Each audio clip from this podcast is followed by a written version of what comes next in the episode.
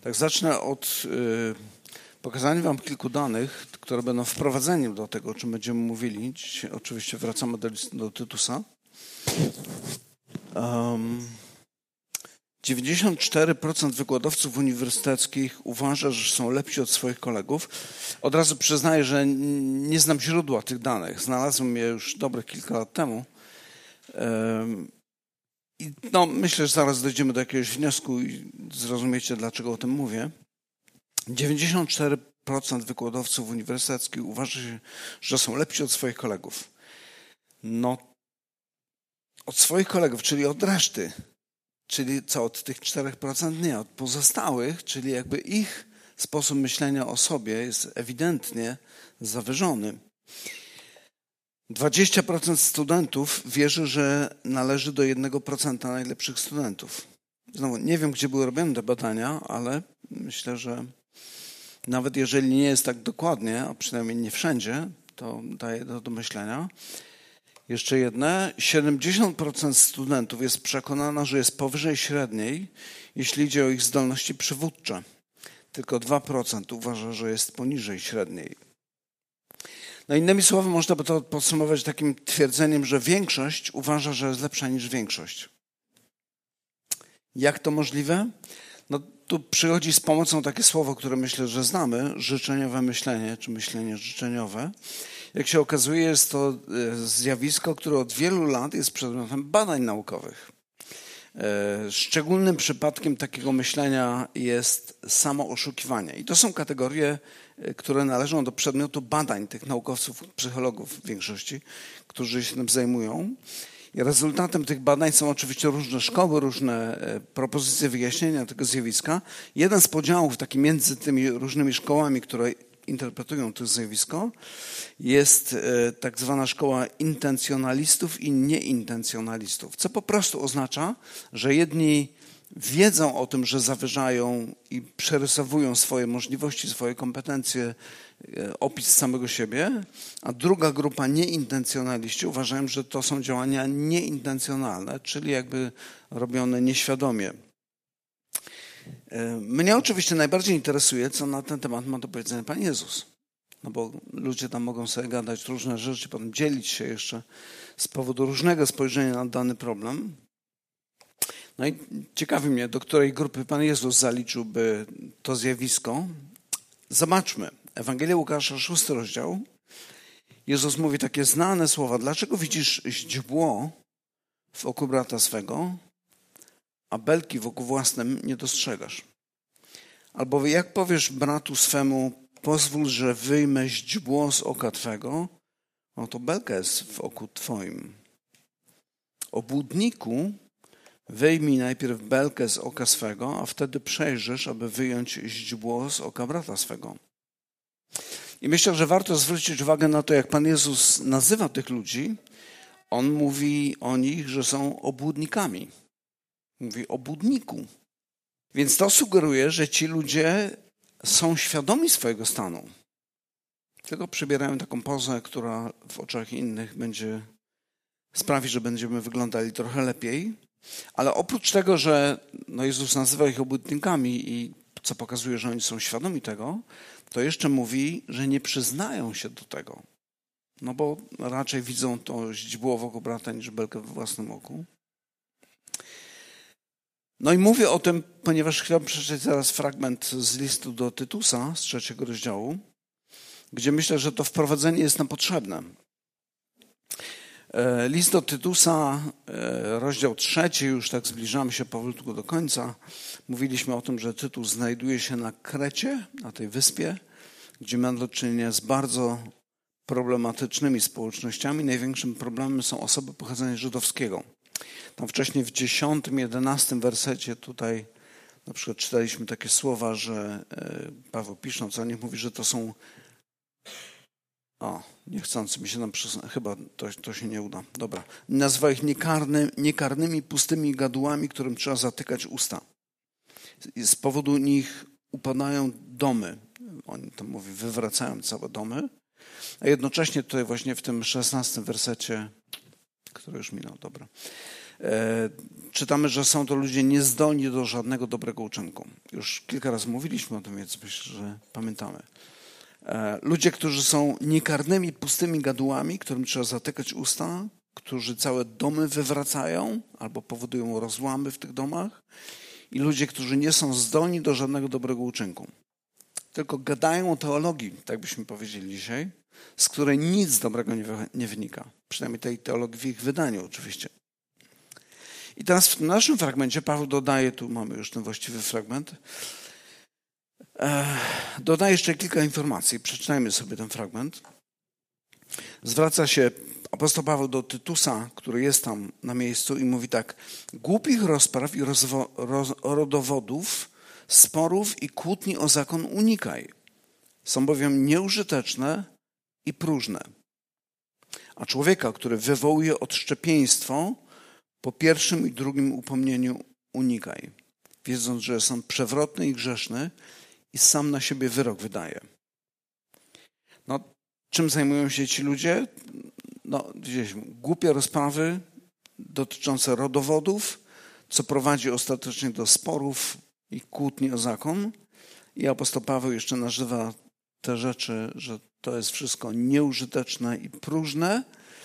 Ale to jeszcze nie koniec, ponieważ za każdą taką głupią rozmową stoją konkretni ludzie. I apostoł Paweł pisze do Tytusa, żeby unikał nie tylko tych dyskusji, ale po pierwszym i drugim upomnieniu tych ludzi nawet. E, odszczepieństwo to takie stare słowo, po prostu rozłamy. E, mamy więc ludzi, którzy swoim sposobem myślenia, mówienia i postępowania niszczą Boże dzieło, ale sami są przekonani o tym, że wykonują Boże dzieła. I od takich Paweł mówi temu Tytusowi: trzymaj się z daleka od takich ludzi, trzymaj się z daleka. Kiedyś słyszałem, myślę, że znacie tą, tą maksymę, że z głupcem nie należy wydawać się w dyskusję, bo najpierw sprowadzicie do swojego poziomu, a potem pokona doświadczeniem. Nie? To taka maksyma, ktoś pewnie z doświadczenia mówi takie rzeczy i wydaje się, że tu jest tak samo. Z tym, że tu mamy do czynienia ze specyficznym rodzajem głupców, ponieważ to są religijni głupcy. Oni są przekonani o swojej świętej racji. To już nie jest racja, to jest święta racja. No i wydaje się na pierwszy rzut oka, że mamy do czynienia z gorliwymi ludźmi. Ludźmi, którzy naprawdę chcą Panu Bogu służyć. Um, ale czytamy, że są to ludzie przewrotni i grzeszni i sami na siebie wyrok wydają. Tak? Um, ciekawe, bo to jakby pokrywa się z tym, o czym Pan Jezus mówił, że to są obłudnicy. Obłudnicy, czyli ludzie świadomi tego, co robią. I to, co chcę podkreślić, to to, że oni to robią nie dlatego, że brakuje im jakiejś wiedzy, ale dlatego, że są złymi ludźmi. Tak bym ogólnie powiedział. Pamiętam, że kiedyś e, z pewnym człowiekiem tam niejedną rozmowę e, odbyliśmy i w pewnym momencie ja już tak sobie pomyślałem, ja naprawdę miałem to na końcu języka, chociaż się powstrzymałem, ale myślałem, że chyba powinienem powiedzieć temu człowiekowi, wiesz co, myślałem, że ty nie rozumiesz tego, o czym rozmawiamy ale ty po prostu jesteś złym człowiekiem. Ty po prostu chcesz się kłócić, chcesz prowadzić spory tak długo, aż stanie na twoim. Niezależnie od tego, czy masz rację, czy nie. W ogóle ci nie zależy na prawdzie. Zależy ci na swoich racjach. Więc to nie jest tak, że ci ludzie nie wiedzą, że gadają głupoty i nie wiedzą, że nie mają racji, a mimo to wyrządzają więcej szkody niż pożytku. I apostoł Paweł na końcu mówi, to są ludzie, którzy sami na siebie wyrok wydają.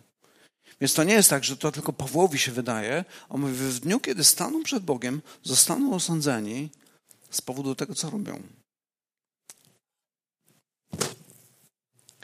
Mamy więc do czynienia z ludźmi. No, tu jest sytuacja, mamy do czynienia z Kościołem, w którym, w którym są tacy ludzie. Z pochodzenia są Żydami, są tak przekonani o tym, że są lepsi od reszty świata, że tak naprawdę można powiedzieć, że no, Ewangelii mają tyle, co brudów za paznokciami, ale są gotowi pokroić się za swoje poglądy. No i właśnie, wydaje się, że mamy do czynienia z ludźmi niedoinformowanymi, ale Biblia przedstawia nam zupełnie inną perspektywę. I mówię o tym, ponieważ my też jesteśmy Kościołem, więc chciałbym, żebyśmy te słowa i to, co mówi apostoł Paweł, wzięli do siebie. Bo to, co pokazywałem na początku, my generalnie mamy raczej dobre zdanie o sobie. Oczywiście mamy też kompleksy, ale generalnie myślimy o sobie życzeniowo, tak jak apostoł Paweł tutaj gdzieś pokazuje. Myślę, że biblijne spojrzenie na takich ludzi jak ci, o których tutaj czytamy w tym naszym fragmencie, biblijne spojrzenie jest, jest dużo gorsze, w tym sensie, że oni to nie są ludzie niedoinformowani. Generalnie my robimy to, czego chce nasze serce. To, co podpowiada nam nasze serce, żeby chciało. I teraz kilka takich prostych przykładów. Sposób, w jaki zwracasz się do swojego współmałżonka, współmałżonki, jest takim sposobem, jakiego chce używać Twoje serce. Ty chcesz, ponieważ wydaje Ci się, że w ten sposób osiągniesz coś, co zaspokoi Twoje cele, Twoje potrzeby, Twoje pragnienia. To, jak zachowujesz się prowadząc samochód, no jest obrazem tego, co jest w Twoim sercu. Ty chcesz się zachować w ten sposób, ponieważ, nie wiem, niektórzy wiem, że potrafią tam bluzgać pod nosem albo do siebie, albo do współpasażera. Nie wiem, chcą chyba podbudować własne ego, pokazując, jak głupimi kierowcami są ci obok. To, jakie nawyki budujesz w swoim życiu, jest obrazem Twojego serca, ponieważ to Twoje serce pokazuje Ci, co jest ważne dla Ciebie i co warto pielęgnować, co warto, w co warto inwestować, w co warto robić. Oczywiście część nawyków to są nawyki, które na przykład wynosimy z domu, bo nasi rodzice, nasze rodzeństwo, nasi przyjaciele, znajomi zawsze tak robili, więc ja też tak robię, ale zauważ, to ty podejmujesz decyzję, co będziesz robił. To są twoje decyzje, to są decyzje każdego z nas. My jesteśmy odpowiedzialni za siebie. Dam wam dwa przykłady takie życiowe. E, pewien mężczyzna e, mówi, że nienawidzi robić zakupów i dlatego nie będzie chodził z żoną na żadne zakupy. Po kilku latach spotykam jego osobę rozwiedzioną i któregoś razu widzę go w sklepie. Jest z jakąś nową dziewczyną, w której jest zakochany i oczywiście co robi? Pcha wózeczek grzecznie i idzie za nią, tak jak serce mu podpowiada. My robimy to, co nam serce każe. A to, co wymyślamy, to, co sprzedajemy ludziom na zewnątrz, to jest tylko usprawiedliwianie swojego, swojego postępowania. Kiedy spotkałem dziewczynę, która mówiła, że nienawidzi spódnic i sukienek. Ona tylko w dżinsach będzie chodziła. No i całą moją młodość widziałem ją w dżinsach, aż do momentu, kiedy się zakochała. Nikt jej nie mówił. Po prostu sama chciała wyglądać jak królewna, za którą królewicz będzie wypatrywał oczu. Dlaczego? No bo serce nam podpowiada to, co chcemy robić. Więc to całe nasze gadanie to jest tylko szukaniem uzasadnienia swoich wyborów albo usprawiedliwienia swoich decyzji. Oczywiście problem jest dużo bardziej złożony, ale myślę, że rozumiecie ogólną intencję, którą widać i u apostoła Pawła, i w tym fragmencie, w którym Jezus się wypowiada na temat tego, w jaki sposób my myślimy, w jaki sposób postępujemy, jak podejmujemy decyzje. I z tymi ludźmi tutaj jest tak samo. Gadają głupoty, robią głupie rzeczy, ponieważ tak podpowiada im ich własne serce. I potrafią to jeszcze uzasadnić, bo zauważcie w tym fragmencie, oni prowadzą głupie rozprawy. Głupie rozprawy na temat rodowodów, które prowadzą do rozłamów, a oni i takie prowadzą, ponieważ tak podpowiada im serce. No to jest właśnie ten, myślę, przykład takiego biblijnego spojrzenia, moglibyśmy to nazwać biblijna antropologia. Czyli człowiek dąży do tego, czego pragnie jego serce i unika tego, czego jego serce nie chce. I to dotyczy każdego aspektu naszego życia. Kiedy czytamy list Jana, Jan mówi o tym, że jak patrzy na, na ludzkie życie, to mówi w każdym z nas są takie trzy dziedziny: porządliwość ciała, porządliwość oczu i pecha życia. I w, każdych z tej, w każdej z tych trzech dziedzin nasze serce podpowiada nam, co będzie dla nas najlepsze. To może być głupie, to może prowadzić do rozpadu małżeństwa, to może prowadzić do konfliktów w pracy, to może prowadzić do samookaleczania, ale nasze serce mówi: Zobacz, zobacz, zobacz, jakie to będzie fajne, ale będziesz, będziesz prawie jak Bóg, już jak, jak to zrobisz. Przyjemność, porządliwość czy pragnienie posiadania, pewien styl życia. Nasze serce nam podpowiada, co powinniśmy robić, jak postępować, żeby było przyjemnie, żeby było przyjemnie i wygodnie. I myślę, że generalnie to jest chyba największe pragnienie większości ludzi. Przyjemnie i wygodnie, i jeszcze u niektórych jest władza. Jeszcze, żebym miał władzę, to wtedy będę jak Pan Bóg. Mam wszystko. Mogę rządzić, mogę robić co chcę. No i to wszystko serce. Zobaczcie, co mówi Salomon. Um, ops, e, kliknąłem za dużo razy, przepraszam. O, teraz tylko raz, dobra. Salomon mówi tak. Serce rozumne szuka wiedzy, lecz usta głupców karmią się głupotą. Głupiec karmi się głupotą. I kilka zdań dalej mówi tak. Głupota sprawia radość nierozsądnemu lecz mąż roztropny chodzi ścieżką prostą. Więc to nie jest tak, że ktoś no, jest głupi i postępuje głupio, bo mu tak każą. Nie, jemu to sprawia frajdę. Jemu to sprawia radość. Głupcowi. No i spójrzmy na własne życie. Każdy grzech, który popełniliśmy, dlatego że chcieliśmy popełnić. Bo spodziewaliśmy się przynajmniej, albo na początku, to trochę tak jak, kto tam pisał ten wiersz, między ustami a brzegiem pucharu. Leśmian? Staw? Nie pamiętam. Szkoda, że wiele nie mam, powiedziałam pewnie. Jest taki wiersz, który opisuje, że właściwie to nie chodzi o ten puchar, ale to, co jest w tym, to napięcie pomiędzy ustami i brzegiem pucharu i czasami tak jest z grzechem. Później już ten grzech się okazuje, że wcale nie jest taki kolorowy, jak mi się wydawało, ale to napięcie, że jak ja bym tylko był w tej sytuacji, jak ja bym tylko mógł to zrobić, to byłoby po prostu wow. I to serce nam podpowiada, serce nas oszukuje, serce nas zwodzi. Serce podpowiada nam, co jesteś mądrzejszy niż większość ludzi. Postaw na swoim, bo ty masz rację, bo tak będzie lepiej. Nie słuchaj innych. Idź za głosem swojego serca. I ta głupota sprawia człowiekowi radość. Biblia jest bardzo brutalna tutaj i bardzo trudny obraz nas samych przedstawia. Głupiec cieszy się, robiąc rzeczy głupie. Ale to też pokazuje nam ten fragment, że sam fakt, że robisz coś i to sprawia ci przyjemność, i że to jest, to daje ci radość, że to daje ci frajdę, nie jest wystarczającym kryterium, żeby ocenić, czy to, co robisz, jest dobre i słuszne, i prawdziwe, piękne, czy to się Panu Bogu podoba. Salomon mówi też takie słowa: Mądry sen sprawia radość ojcu. I myślę, jak odniesiemy to do naszej sytuacji, to zrozumiemy, mądry syn, mądra córka sprawia radość temu ojcu, który jest w, górę, w górze. To jest naprawdę mądre postępowanie. Chodzi o to, żeby postępować tak, żeby nasza radość była radością naszego Boga w niebie, naszego Ojca w niebie. Jest taki przykład, znaczy dam teraz taki przykład e, ze Starego Testamentu,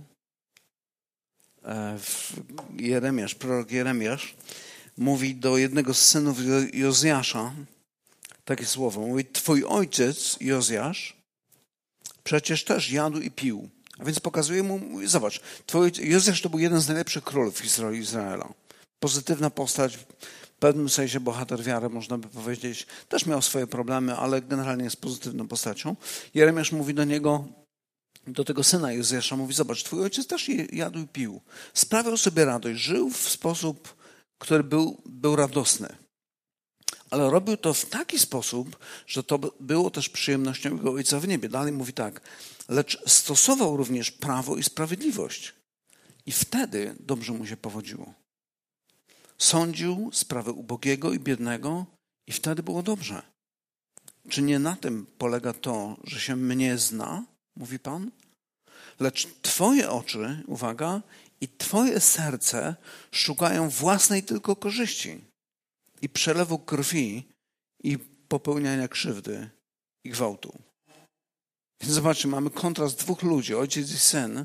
Ojciec, który szuka tego, co Bogu się podoba i syn, który, którego oczy i serce szukają tylko jego własnej korzyści. To serce go popycha do tego, żeby pójść w tą stronę. I niestety tych złych królów w historii Izraela jest dużo więcej. I to można by dawać te przykłady całkiem sporo, ale zawsze się to kończyło źle. I dla tej rodziny, i dla narodu. Prorok Izajasz mówi takie słowa o tego rodzaju właśnie królach. Mówi, biada tym, którzy zło nazywają dobrem. To jest jakby obraz tego, co potrafi serce zrobić z człowiekiem. Biada tym, którzy zło nazywają dobrem, a dobro złem. Którzy zamieniają ciemność w światłość, a światłość w ciemność. Zamieniają gorycz w słodycz, a słodycz w gorycz. Biada tym, którzy we własnych oczach uchodzą za mądrych i we własnym mniemaniu za rozumnych. Biada tym, którzy są bohaterami w piciu wina i mocarzami w mieszaniu mocnego napoju, którzy uniewinniają winowajcę za łapówkę, a niewinnym odmawiają sprawiedliwości. Dlatego jak pożera słomę język ognia i ginie w płomieniu plewa, tak zgnie ich korzeń, a ich kwiatu leci jak proch. Gdzieś ten opis życia tych ludzi, którzy we własnych oczach są sprawiedliwi, dobrzy, mądrzy i postępujący właściwie, a tak naprawdę są tymi, którzy zło nazywają dobrem, a dobro złem. Ale ich serce podpowiada im, że jest odwrotnie, że to oni są tymi, którzy stoją po stronie sprawiedliwości, że to oni są tymi, którzy rządzą krajem tak, jak powinno się rządzić. Ale Boże Słowo pokazuje nam, że to są hipokryci, obłudnicy. W głębi serca wiedzą, że to jest złe w głębi serca wiedzą, że to Bogu się nie podoba i ostatecznie skończy się sądem w ich życiu. E, tutaj w tym fragmencie mamy tylko niektóre cechy tych ludzi wymienione. Podoba mi się to określenie. Biada tym, którzy we własnych oczach uchodzą za mądrych, a potem pisze biada tym, którzy są bohaterami w piciu wina.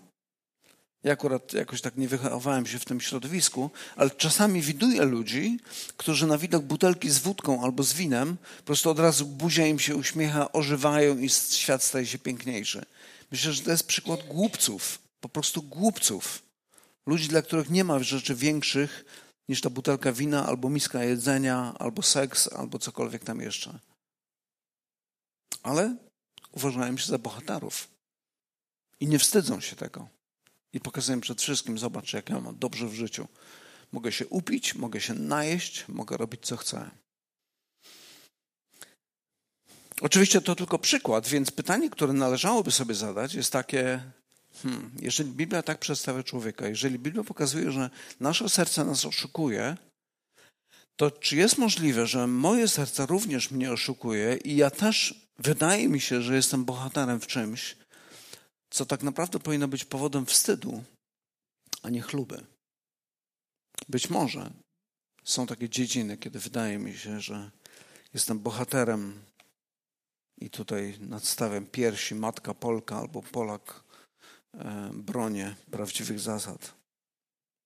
Co więcej, w liście do Rzymian apostoł Paweł mówi jeszcze o ludziach takich niereligijnych, znaczy oni też są religijni na swój sposób, ale mówi tak, że gniew Boży z nieba objawia się, mówi, to mówi cały czas w kontekście tego, czy ci ludzie wiedzą, czy nie wiedzą, że są głupcami, że postępują głupio, czy postępują mądrze.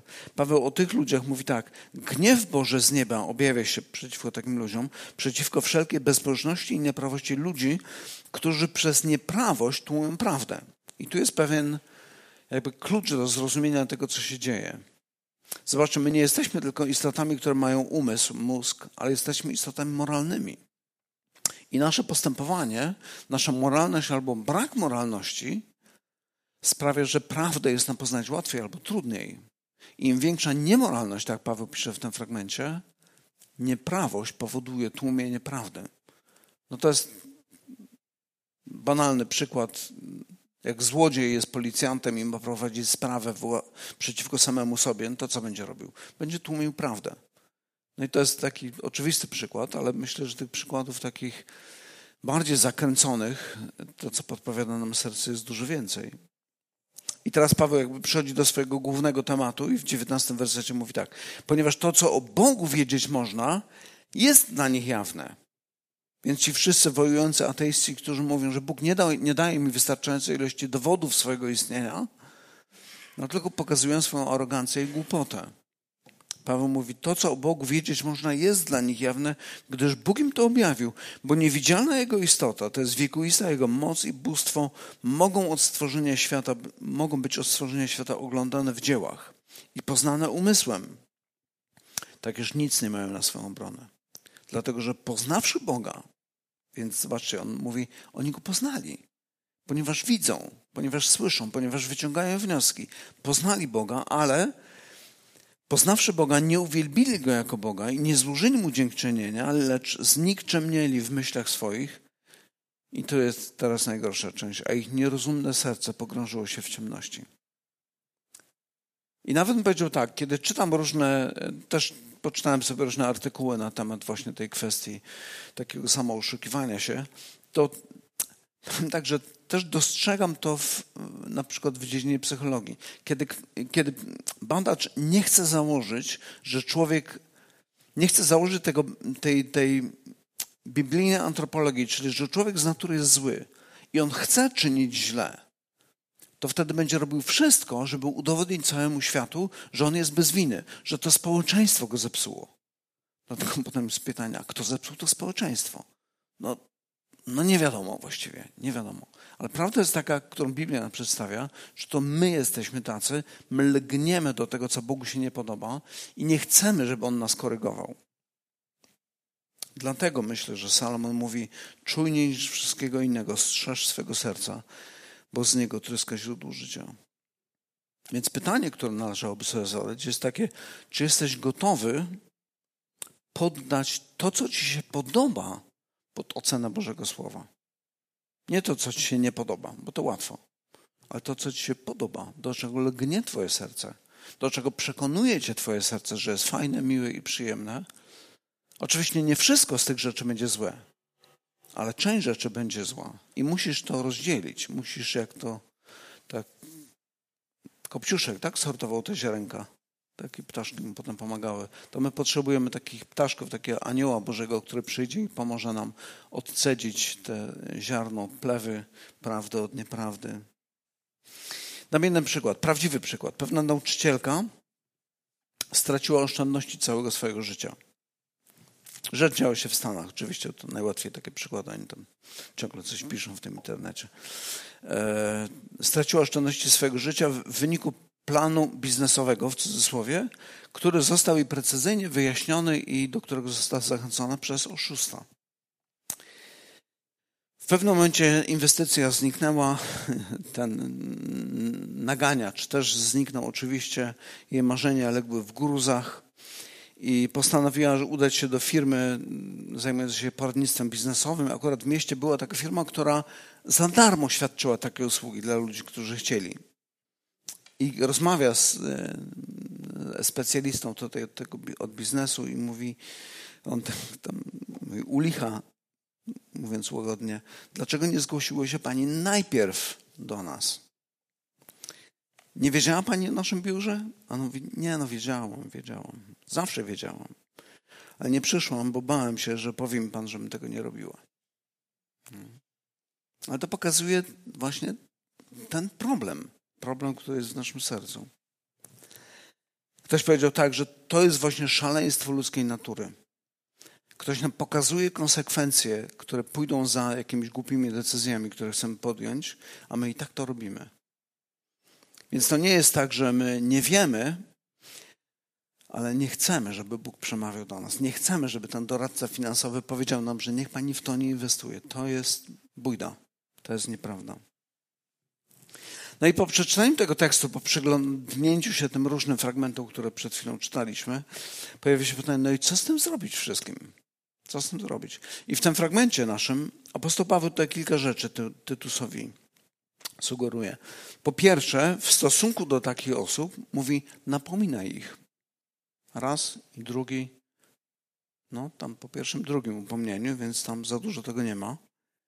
Ale to, czego my potrzebujemy, naprawdę tego potrzebujemy, to jest spojrzenie kogoś z zewnątrz, kto spojrzy na nasze życie, naszą sytuację, na decyzję, którą chcemy podjąć i pomoże nam i pokaże czy to jest dobre, czy niedobre, albo kiedy już zrobiliśmy to, to przyjdzie i powie: Przestań się, chłopie, użalać nad sobą, tylko przyznaj się do głupoty, rozwiąż ten problem, wstań, przeproś Boga i tą człowieka, osobę, którą skrzywdziłeś i wróć do niego. Zacznij od początku.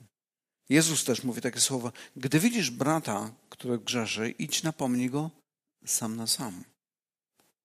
A jeżeli nie usłucha, weź za sobą jeszcze dwóch lub trzech świadków. Salomon też mówi, troszkę może tutaj inny kontekst, mówi, gdzie wielu doradców, tam powodzenie. Tak, ta kobieta, ona nie chciała doradców, bo bała się, że poradzą jej coś innego niż to, co ona chciała zrobić. Ale zobaczcie, że przyjęcie tej, tej zasady e, wymaga z jednej strony odwagi, żeby pójść do kogoś i powiedzieć, słuchaj, to jest głupie, to jest złe, nie rób tak, a z drugiej strony pokory, jeżeli jestem z drugiej strony, żeby przyjąć taką wagę. Więc to, do czego chciałbym nas zachęcić, to jakby danie sobie takiego prawa do tego, że jako społeczność Kościoła, jako wierzący ludzie, jako bracia i siostry w Chrystusie, ci z Was, którzy macie rodzeństwo, wiecie, jak rodzeństwo rozwiązuje problemy. Czasami dość brutalnie, ale my dalej jesteśmy braćmi. Tam któryś oberwał w taki albo inny sposób, ale my dalej jesteśmy braćmi. Jak ta sprawa została zamknięta, to dalej jesteśmy braćmi, żyjemy dalej, bronimy się nawzajem i tak dalej. Ale myślę, że tak jest w Kościele. Czasami, kiedy pojawia się grzech, potrzebne jest to, żeby pójść do drugiej osoby i powiedzieć: Słuchaj, nie idź tą drogą. Nie idź tą drogą. Albo jak już jest, mleko się rozlało, to powiedzieć: Słuchaj, to co zrobiłeś było złe, było obrzydliwe. Jest obrazą samego Boga. Wyznaj to, przeproś tą osobę, którą skrzywdziłeś, cokolwiek nam jeszcze trzeba zrobić. Jednocześnie apostoł Paweł uświadamia tym Tytusowi, że nie ma gwarancji, że to napomnienie coś da. I to jest takie dziwne, bo wydawałoby się, że w Biblii są same takie porady, które mają 100% gwarancji, które dają 100% gwarancji, a tu nie ma tego. po drugim i trzecim upomnieniu unikaj tej osoby. Czyli jakby no, jest sytuacja, że ta osoba nie, nie posłucha tego, co mamy jej do powiedzenia, albo co Pan Bóg ma jej do powiedzenia. I to jest chyba też taki, taki obraz naszego serca, który pokazuje nam, że pomimo tego, że w naszym życiu są różne osoby, które nas otaczają, różne głosy do nas docierają, ostatecznie my sami podejmujemy decyzję. Ostatecznie to zawsze będzie nasza własna decyzja. Sam decydujesz o tym, czy będziesz szukał mądrości, czy karmił się głupotą, tak widzieliśmy tam wcześniej, tutaj w tym fragmencie Salomona. Tak, serce rozumne szuka wiedzy, ale głupota karmi się radością, nie? czy karmi się głupotą. Um, możesz, no, ja szczególnie myślę sobie o, w kontekście dzieci, no bo no, dzieci to jednak dzieci, to takie najbliższe istoty człowiekowi, człowiekowi zależy na tym, żeby wszystko było dobrze, wszystko było fajnie, ale możesz dać najlepsze wzorce, ale nie zmusisz ich do podjęcia decyzji, że będą robiły dokładnie tak jak ty. I niestety, jak patrzymy na kartach Biblii, na niektóre przykłady, widzimy, że tak nie było. Mamy bogobojnego ojca czy matkę, a jednak życie e, ich synów czy córek jest, jest złe, jest po prostu złe. Nawet nasze dzieci wychowują się same. Ważne jest, żebyśmy dali im właściwy pokarm, dali im to, czego potrzebują, żeby, żeby widziały, co jest do wyboru tak naprawdę. Nie? Po trzecie, trzymaj się z dala od takich ludzi, mówi Paweł do niego. Po pierwszym, drugim upomnieniu unikaj go, ponieważ ten człowiek jest, jak Paweł mówi, przewrotny i grzeszny. To nie jest po prostu człowiek, który ma jakieś tam swoje poglądy. To jest człowiek przewrotny, podstępny. Człowiek, który nie pokaże ci swojego prawdziwej twarzy i będzie cały czas próbował urobić po swojemu. Paweł, unikaj takich ludzi. Trzymaj się z daleka od ludzi, którzy zachęcają cię do czegoś złego. Kiedy czytamy przypowieści Salomona, od razu w pierwszym rozdziale Salomon mówi: Syn mój, proszę cię, unikaj tych ludzi. Unikaj tych ludzi, którzy szukają sposobu na przelew krwi, na niesprawiedliwość, nieuczciwość itd. Tak itd. Tak a szukaj ludzi, którzy pomagają ci pielęgnować społeczność z Bogiem. Trwaj w społeczności. Z tego powodu myślę, że to, o czym Filip mówił dzisiaj po raz kolejny, tak ważne jest to, żeby, jeżeli to tylko możliwe, mieć jakąś grupę, w której, z którą spotykam się w tygodniu. Ponieważ to jest okazja do tego, żeby, żeby rozmawiać, żeby karmić swoją duszę tym, co pochodzi od samego Boga. Pielęgnuj Boże Słowo w swoim życiu. Myślę, że to jest też powód, dla którego cały czas zachęcamy do tego, żeby do, do Biblii wracać codziennie. Nawet jeżeli czytałem ją już 15 razy, a może więcej, to wracanie do niej za każdym razem jest czymś, co inspiruje nas do lepszego życia. Cały czas napomina nas, pokazuje nam, zobacz, zobacz co zrobiłeś wczoraj to nie było sprawiedliwe, to nie było uczciwe, to nie jest coś, co podobałoby się Bogu.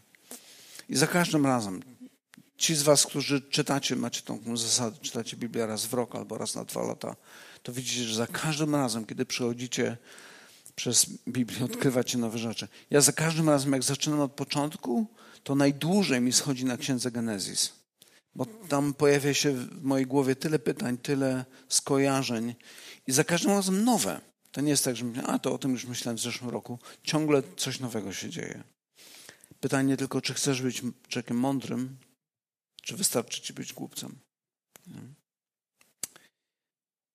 No i ostatnia rzecz, na której chciałbym skończyć, to jest taka, kiedy patrzysz na swoje życie, bo tak mówimy, jak postępować z głupcami, jak no, też przyjmować napomnienie, jeżeli jesteśmy głupcami, ale czasami jest tak, że zabrnęliśmy już w coś tak daleko, że naprawdę niech mnie ktoś uratuje, niech mnie ktoś pomoże wy, wyjść z tego dołu. Um, I chcę tylko powiedzieć, że w Bogu to właśnie jest możliwe. W Bogu, nawet jeżeli dałeś się oszukać własnemu sercu i poszedłeś w ślepą uliczkę i widzisz, że teraz jest nie tak jak trzeba, to jest możliwość zawrócenia. Dam jeden przykład. Co prawda to jest przykład z książki Hemingwaya, Stolica Świata, tak się nazywa tytuł tej książki. On opisuje, ale myślę, że on opisuje prawdziwą potrzebę, pomimo tego, że książka to jest po prostu beletrystyka, ale pokazuje prawdziwą potrzebę człowieka. Opisuje tam życie pewnej rodziny, w, której, w której syn e, odchodzi z domu. Odchodzi z domu, zostawia całą rodzinę, zrywa z nimi kontakt. No i jakoś tam wiedzie się jego życie, trochę jak takie syn marnotrawne z tej historii, o, z ewangelicznej historii. Ale jego, jego ojcu nie daje to spokoju i on chce znaleźć tego ojca, pomimo tych głupich decyzji, które ten syn podejmował, chce mu pomóc, chce wyciągnąć do niego rękę. I w pewnym, no, nie może go znaleźć. W pewnym momencie udaje się do Madrytu, bo gdzieś tam słuchy chodziły, że może w Madrycie jest. I ojciec wpada na pomysł, że daje ogłoszenie do gazety. Ogłoszenie do gazety mniej więcej takiej treści Paco, bo tak miał na imię jego syn, spotkaj się ze mną przy hotelu Montana we wtorek w południe. Tam tatę jakąś wyznaczył. Wybaczyłem ci wszystko, tata. No i przychodzi ten wtorek w południe, ojciec udaje się e, pod ten hotel Montana i okazuje się, że na placu przed tym hotelem jest 800 młodych chłopaków o imieniu Paco. Okazuje się, że ten problem takiego zagubienia, zerwania relacji z rodzicami czy z ojcem jest dużo powszechniejszy niż tylko tego jednego syna, tego ojca, który jako jedyny tak desperacko poszukiwał tego swojego dziecka. Ale myślę sobie, że że tak samo jest z naszym duchowym życiem. Że czasami patrząc po wierzchu może nam się wydawać, że no tam znam kilku ludzi takich pogubionych, ale w głębi, w sercu myślę, że dużo więcej osób zdaje sobie sprawę z tego, że, że pogubiłem się. Potrzebuję pomocy. Potrzebuję ojca, który powie mi, synu, wszystko ci wybaczyłem. No i ten Pako póki co wydaje się, że znalazł. Większość tych chłopaków, którzy tam przyszli, nie miało takiego ojca, ale ty masz. Ty masz. Ojca, który jest w niebie, który jest gotowy ci wszystko wybaczyć. Wystarczy, że przyjdziesz do niego, wyznasz mu swoje grzechy. Nawet te, o których myślisz, że nawet sam sobie nie potrafisz wybaczyć. On jest w stanie pomóc ci wyczyścić tą przeszłość, zacznie od początku. I to jest powód, dla którego obchodzimy wieczerzę pańską, ponieważ ten ojciec miał drugiego syna, jeszcze Chrystusa, który chcąc nas ratować, złożył samego siebie w ofierze, żebyśmy my mogli uzyskać przebaczenie. I to wydarzenie wspominamy. Śmierć Chrystusa, który oczyścił nas, dał nam przebaczenie. Przebaczenie, które jest doskonałe. Przebaczenie, które gładzi każdy nasz grzech, abyśmy mogli stać się częścią Bożej rodziny. Jeżeli jesteś osobą, która e, doświadczyła tego, która wie, czym jest przebaczenie w Chrystusie, jeżeli złożyłeś świadectwo wobec świata, przyjmując chrzest w wieku świadomym, to zapraszam Cię do tej wieczerzy, którą za chwilkę będziemy mieli. Jeszcze przeczytam jeden fragment z Bożego Słowa. Wspominajmy to, czego Bóg dokonał dla nas. Ale jednocześnie też patrzmy na nasze serce i, i nie dajmy się zwodzić naszemu sercu. Zadawajmy sobie pytanie cały czas, czy moje serce mnie nie oszukuje? Czy moje serce prowadzi mnie właściwą drogą? I jedynym, jedynym sposobem na ocenę tego jest posiadanie jakiegoś takiego pewnego drogowskazu, pewnego przewodnika, który pokaże ci, co jest właściwe, co jest niewłaściwe. Dam wam jeden przykład. Może jeszcze zanim przejdziemy do wieczerzy pańskiej. Jeden przykład z, z takiej właśnie mądrości Bożego Słowa. W liście do Efezjan na przykład. Wiele różnych fragmentów jest, ale ten chciałem przeczytać teraz. Apostoł Paweł mówi do, do tego zboru w Efezie tak. Przeto odrzuciwszy kłamstwo, mówcie prawdę. Każdy z bliźnim swoim, bo jesteście członkami jedni drugich. Gniewajcie się, lecz nie grzeszcie. Niech słońce nie zachodzi nad gniewem waszym. Nie dawajcie diabłu przystępu. Kto kradnie, niech kraść przestanie, a niech raczej z żmudną pracą własnych rąk zdobywa dobra, aby miał z czego udzielać potrzebującemu. Niech żadne nieprzyzwoite słowo nie wychodzi z ust waszych, ale tylko dobre, które może budować, gdy zajdzie potrzeba, aby przyniosło błogosławieństwo tym, którzy go słuchają. Nie zasmucajcie Bożego Ducha Świętego, którym jesteście zapieczętowani na dzień odkupienia. Wszelka gorycz, zapalczywość, gniew, krzyk, złorzeczenie niech będą usunięte spośród was wraz z wszelką złością. Bądźcie jedni dla drugich uprzejmi, serdeczni, odpuszczając sobie wzajemnie, jak i wam odpuścił, jak i wam Bóg odpuścił w Chrystusie. Zobaczcie, to jest tylko jeden z przykładów tego, w jaki sposób Słowo Boże pomaga nam spojrzeć w lustro. Mówi, zobacz, tu jesteś brudny, tutaj wymaga to poprawy, to wymaga naprawienia. I końcówka tego jest niesamowita, kiedy apostoł Paweł mówi, odpuszczajcie sobie nawzajem, czy przebaczajcie sobie nawzajem, tak jak wam Bóg odpuścił w Chrystusie. Jeżeli doświadczyłeś Ewangelii na samym sobie, to przebaczenie będzie możliwe. Ale jeżeli nie doświadczyłeś przebaczenia na sobie, będziesz aroganckim, religijnym hipokrytą. Bo tacy ludzie są. Tylko wtedy, kiedy Ewangelia naprawdę zakorzeniła się w Twoim sercu, będziesz potrafił przebaczać innym, będziesz potrafił prosić o przebaczenie. Bo Twoje poczucie bezpieczeństwa nie zależy od tego, co ludzie powiedzą, a od tego, jak wyglądasz w oczach Bożych. Ok, przeczytam teraz jeszcze fragment, który czytamy zawsze przed wieczerzą z listu do Koryntian, gdzie apostoł Paweł mówi tak. Albowiem ja przejąłem od Pana to, co wam przekazałem, że Pan Jezus tej nocy, której był wydany, wziął chleb, a podziękowawszy złamał i rzekł, bierzcie jedzcie, to jest ciało moje za was wydane, to czyńcie na pamiątkę moją. Podobnie i kielich po wieczerzu, mówiąc, ten kielich to nowe przymierze we krwi mojej. To czyńcie, ilekroć pić będziecie na pamiątkę moją. Albowiem ilekroć ten chleb jecie, a z kielicha tego pijecie, śmierć pańską zwiastujecie, aż przyjdzie. Przeto ktokolwiek by jadł chleb i pił z kielicha pańskiego niegodnie, winien będzie ciała i krwi pańskiej. Niechże więc człowiek samego siebie doświadcza i tak niech jest chleba tego i z kielicha tego pije. Albowiem kto je i pije niegodnie, nie rozróżniając ciała pańskiego, sąd własny je i pije. Pomódlmy się. Panie, chcemy Ci dziękować za to, że to ofiarowałeś Jezusa Chrystusa, który wziął na siebie całą odpowiedzialność za nasz grzech, za nasze winy. Złożył swoje życie w ofierze, abyśmy my nie musieli ginąć.